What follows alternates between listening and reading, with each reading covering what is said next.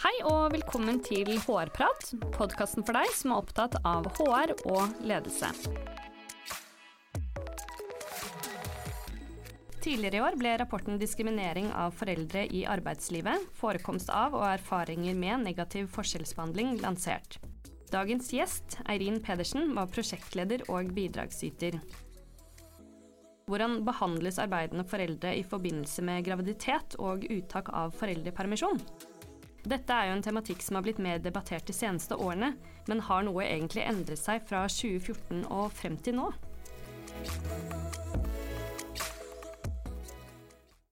Velkommen til deg, Eirin. Eh, kan ikke du begynne med å fortelle litt om deg selv? Eh, det kan jeg gjerne. Jeg jobber som forsker på Arbeidsforskningsinstituttet. Um, og jobber med mange problemstillinger knyttet til arbeid og familie og velferdsstat. Så det er min bakgrunn. Mm, spennende. Og vi som mange andre har jo fattet stor interesse for forskningsrapporten om diskriminering av foreldre i arbeidslivet. Eh, I korte trekk kan du fortelle lytterne våre hva denne rapporten går ut på? Eh, altså denne rapporten er jo da bestilt fra Likestillingsombudet eh, eh, og utført av en eh, gruppe forskere her på Arbeidsforskningsinstituttet. Eh, og rapporten eh, dreier seg rundt det at LDO har en bekymring rundt vedvarende diskriminering av foreldre i arbeidslivet. Eh, så LDO opplever at 25 eh, av alle veiledningssakene de mottar om arbeidsliv, det dreier seg da om graviditet og foreldrepermisjon.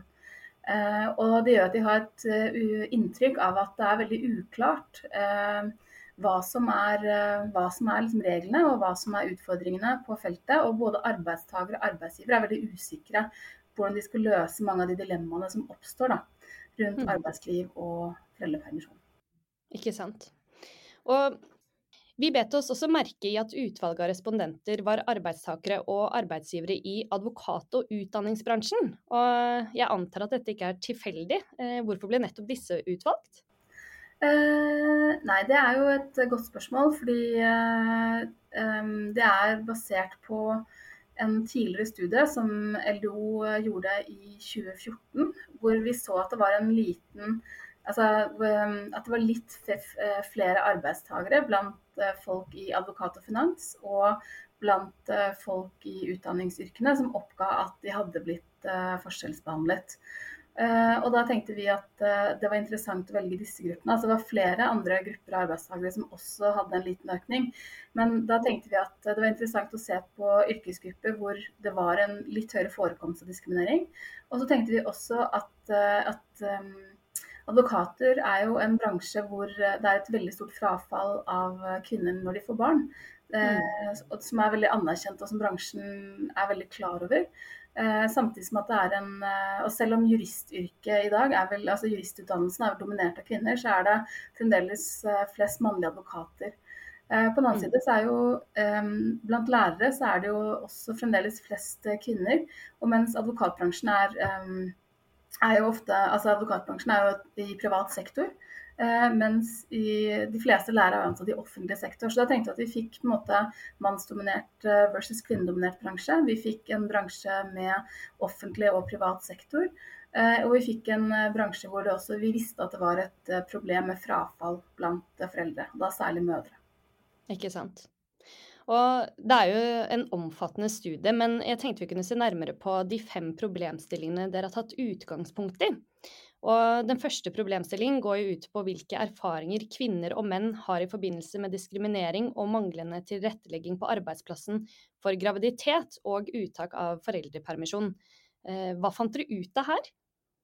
Eh, nei, vi fant, vi gjort, eh, altså I studien vår har vi to datakilder. Vi har gjort en spørreundersøkelse som vi utførte i 2020. Og så har vi også sammenlignet den spørreundersøkelsen med en spørreundersøkelse tilsvarende spørreundersøkelse fra 2014.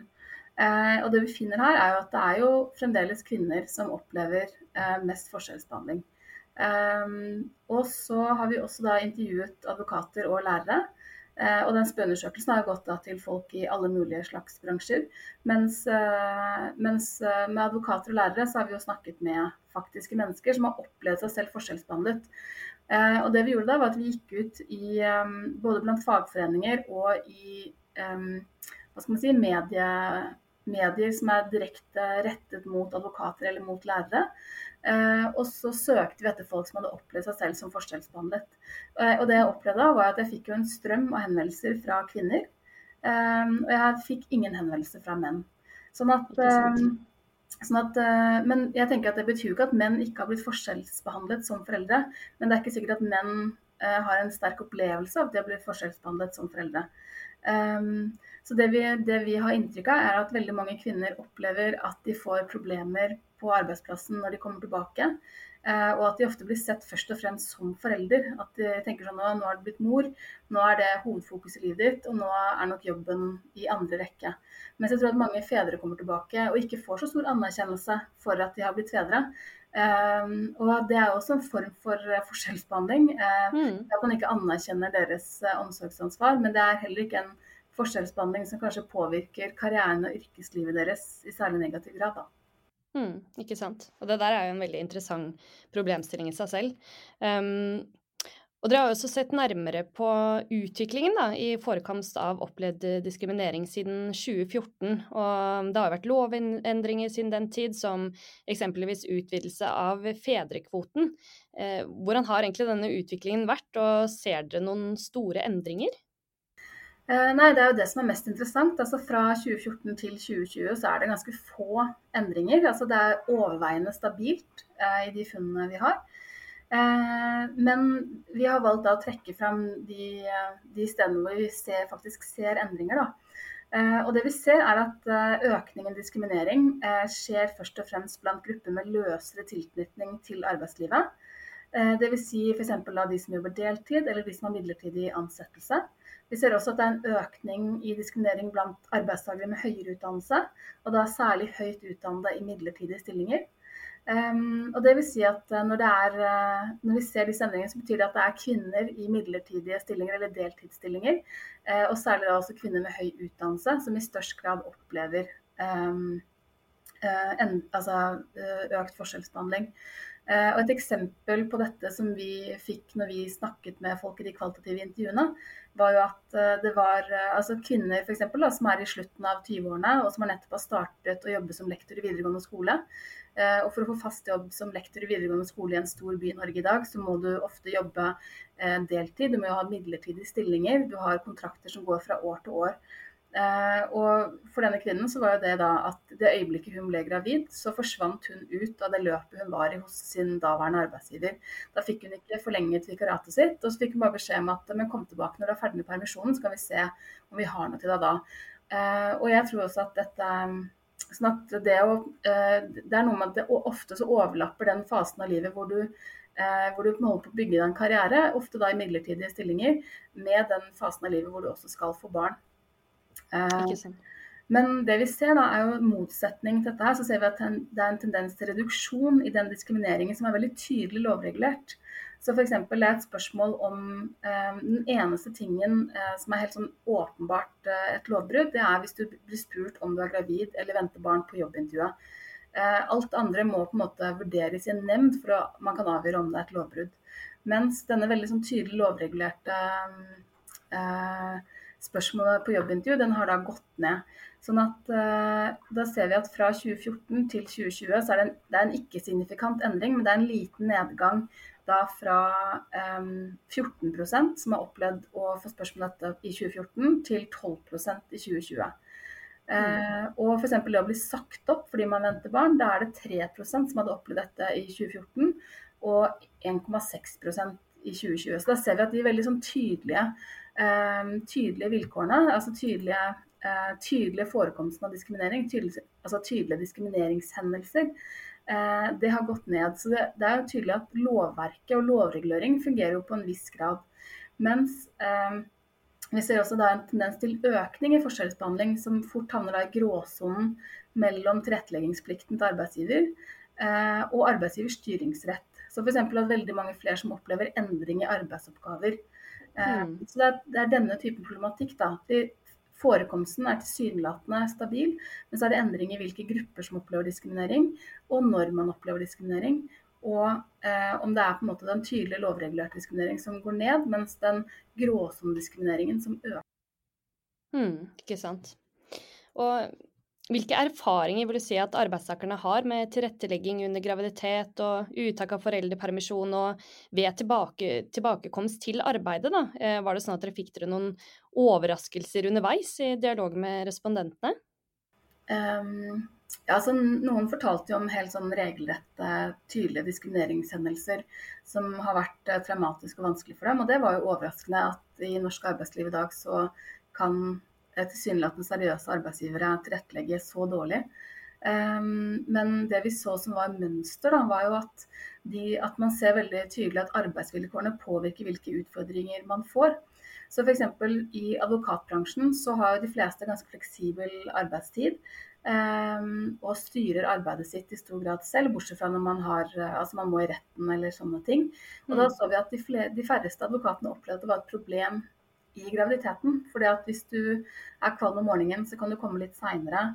Eh, hvis du har mye vondt i ryggen, så kan du jobbe hjemmefra og ligge på sofaen. Altså sånn, det var veldig lett å mm. jobbe rundt disse tingene. Mens at de største problemene for eh, advokatene kom jo når de skulle tilbake i jobb igjen. Så da, for De fleste advokatene hadde da måttet bygge ned porteføljen sin før de skulle ut i permisjon. Og når de kom tilbake i permisjon igjen, skulle de bruke veldig lang tid på å bygge opp porteføljen igjen. Og da så vi at for Hvis du hadde da, hvis du fikk eh, to barn i løpet av en treårsperiode, så hadde du kanskje nesten fem år hvor du ikke hadde muligheten til å ha full portefølje. Og da går det utover karriereprovisjon, det går utover lønn, det går utover opprykk. Um, så det ble jo veldig vanskelig. Uh, det var liksom tilbakekomsten som var utfordrende. Mens blant lærerne så trengte jo flere lærerne mye større tilrettelegging i svangerskapet. Fordi at når du, har, når du skal stå foran en klasse og den klassen med åtte år gamle elever sitter klart kvart over åtte, så kan ikke du komme for sent fordi du er morgenkvam. Da må du ha en vikar. Mm.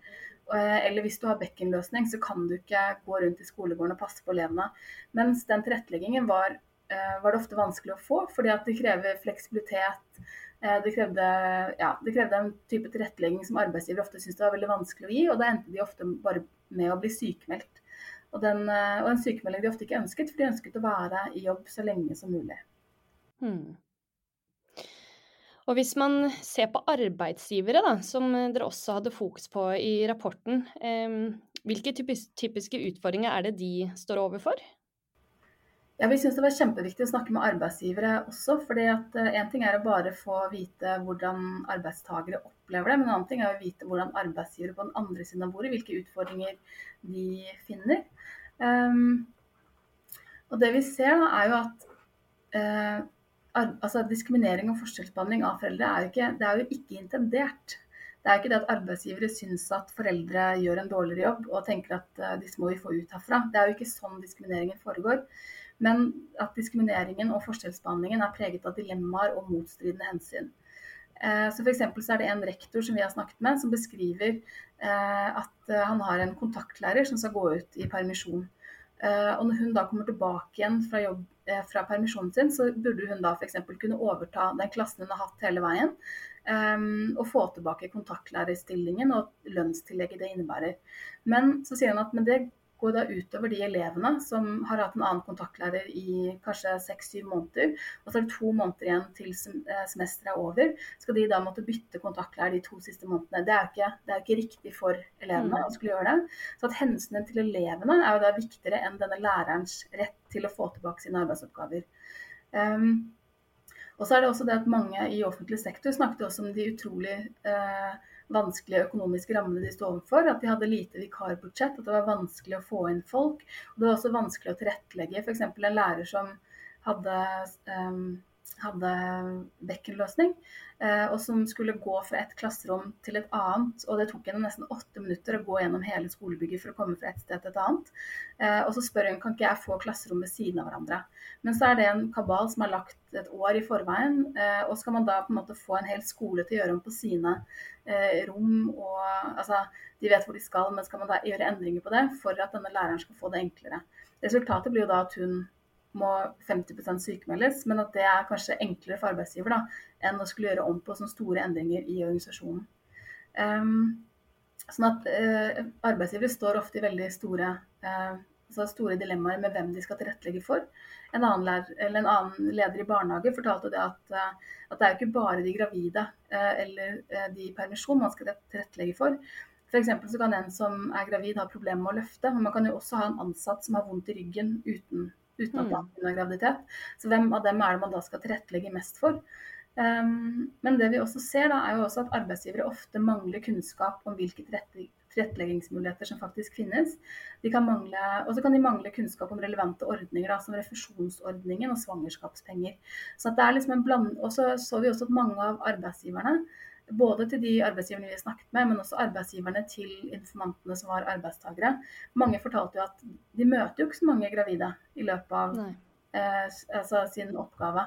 Så at ofte så vet man ikke helt hva man står overfor, man vet ikke helt hvilke behov. Man har ikke noe oversikt over gode grep og løsninger, og at det er en eh, at det, er en, at det kan være vanskelig. Og så ser vi også at mange arbeidsgivere eh, trenger kanskje litt mer eh, oversikt og Eh, å vite hvordan ting kommer til å være, enn det den gravide f.eks. kan si. Så f.eks. en gravid som sliter med morgenkvalme, kan få spørsmål av sjefen sin men når kommer du tilbake? Og så sier hun men det vet ikke jeg. Det her kan jo vare i to dager til, eller det kan vare i to måneder til. Sånn at mm. uh, arbeidsgivers behov for forutsigbarhet da, er veldig vanskelig kombinert med eh, gravide, gravide sine helseutfordringer. Så mm. dette er på en måte de problemene vi ser da, som kommer opp hos arbeidsgivere. Det er ikke, uh, det er ikke med vond vilje, men Eh, preget av motstridende hensyn. Ikke sant. Og det tar meg jo da egentlig videre til eh, hvilken kjennskap eh, arbeidsgivere egentlig har da, til diskrimineringsvernet og eh, aktivitetsplikten. Kan du fortelle litt om det? Um, ja, altså vi har, ikke, uh, vi, har vi har ikke intervjuet så mange arbeidsgivere. og Målet var ikke å henge dem ut fordi at de manglet uh, kunnskap.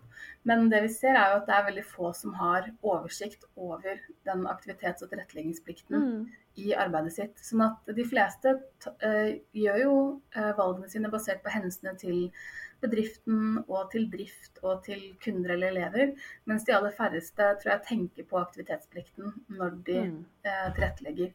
Og for hvis man har tilrettelagt med tanke på aktivitetsplikten, så hadde man jo måttet ta høyde for likestillingsproblemstillinger i mye større grad.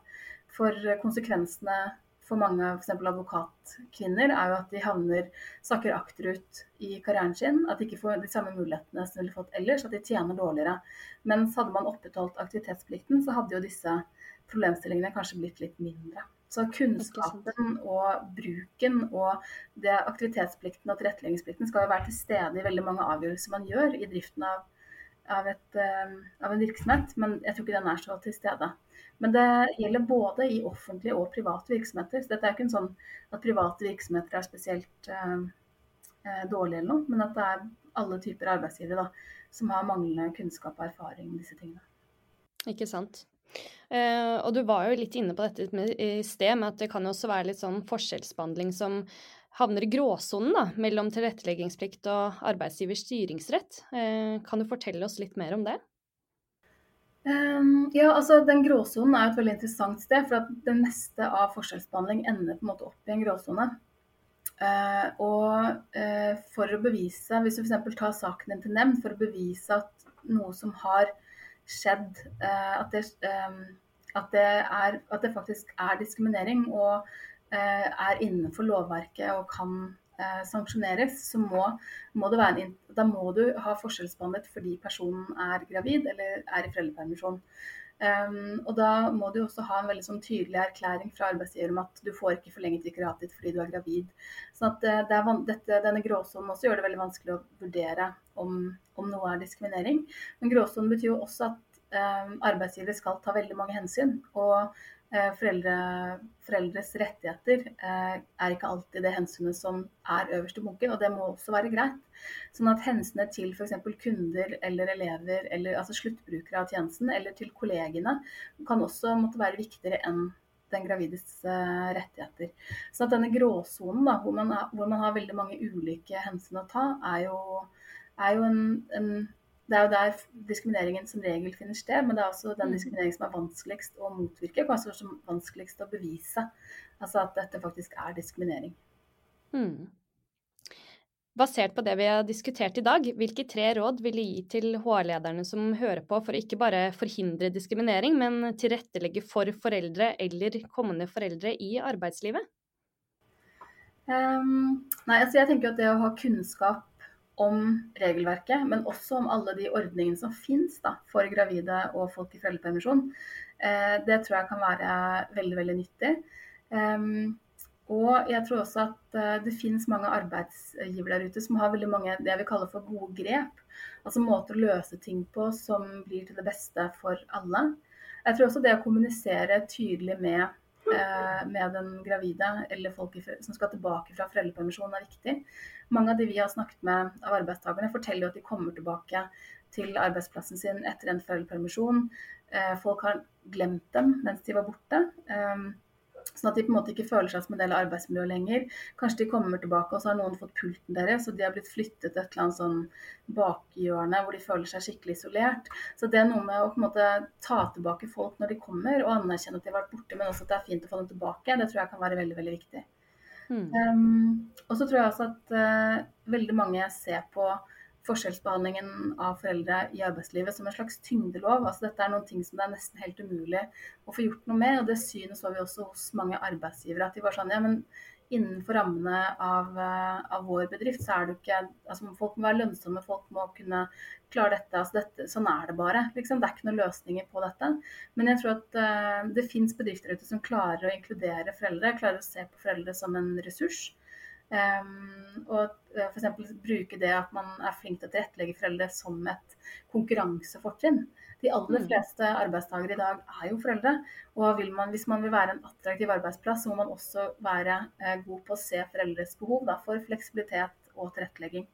Um, så jeg tror at det å se arbeidsgiverne som, eller arbeidstakerne som kommer tilbake i jobb, eh, at de ikke kommer sånn luskende tilbake til en tom flyttet pult. Det tror jeg er viktig. Mm. Og så tror jeg det er viktig å ikke være så opptatt av hvor vanskelig det er, men heller å se muligheter og så hente inn gode grep. Og så tror jeg det å huske på aktivitets- og tilretteleggingsplikten kan være eh, øyeåpne da, for mange når de, når de tilrettelegger. Ikke sant. Da vil jeg bare si tusen takk for gode råd, Eirin, og for at du kom hit til HR-prat. Eh, bare hyggelig.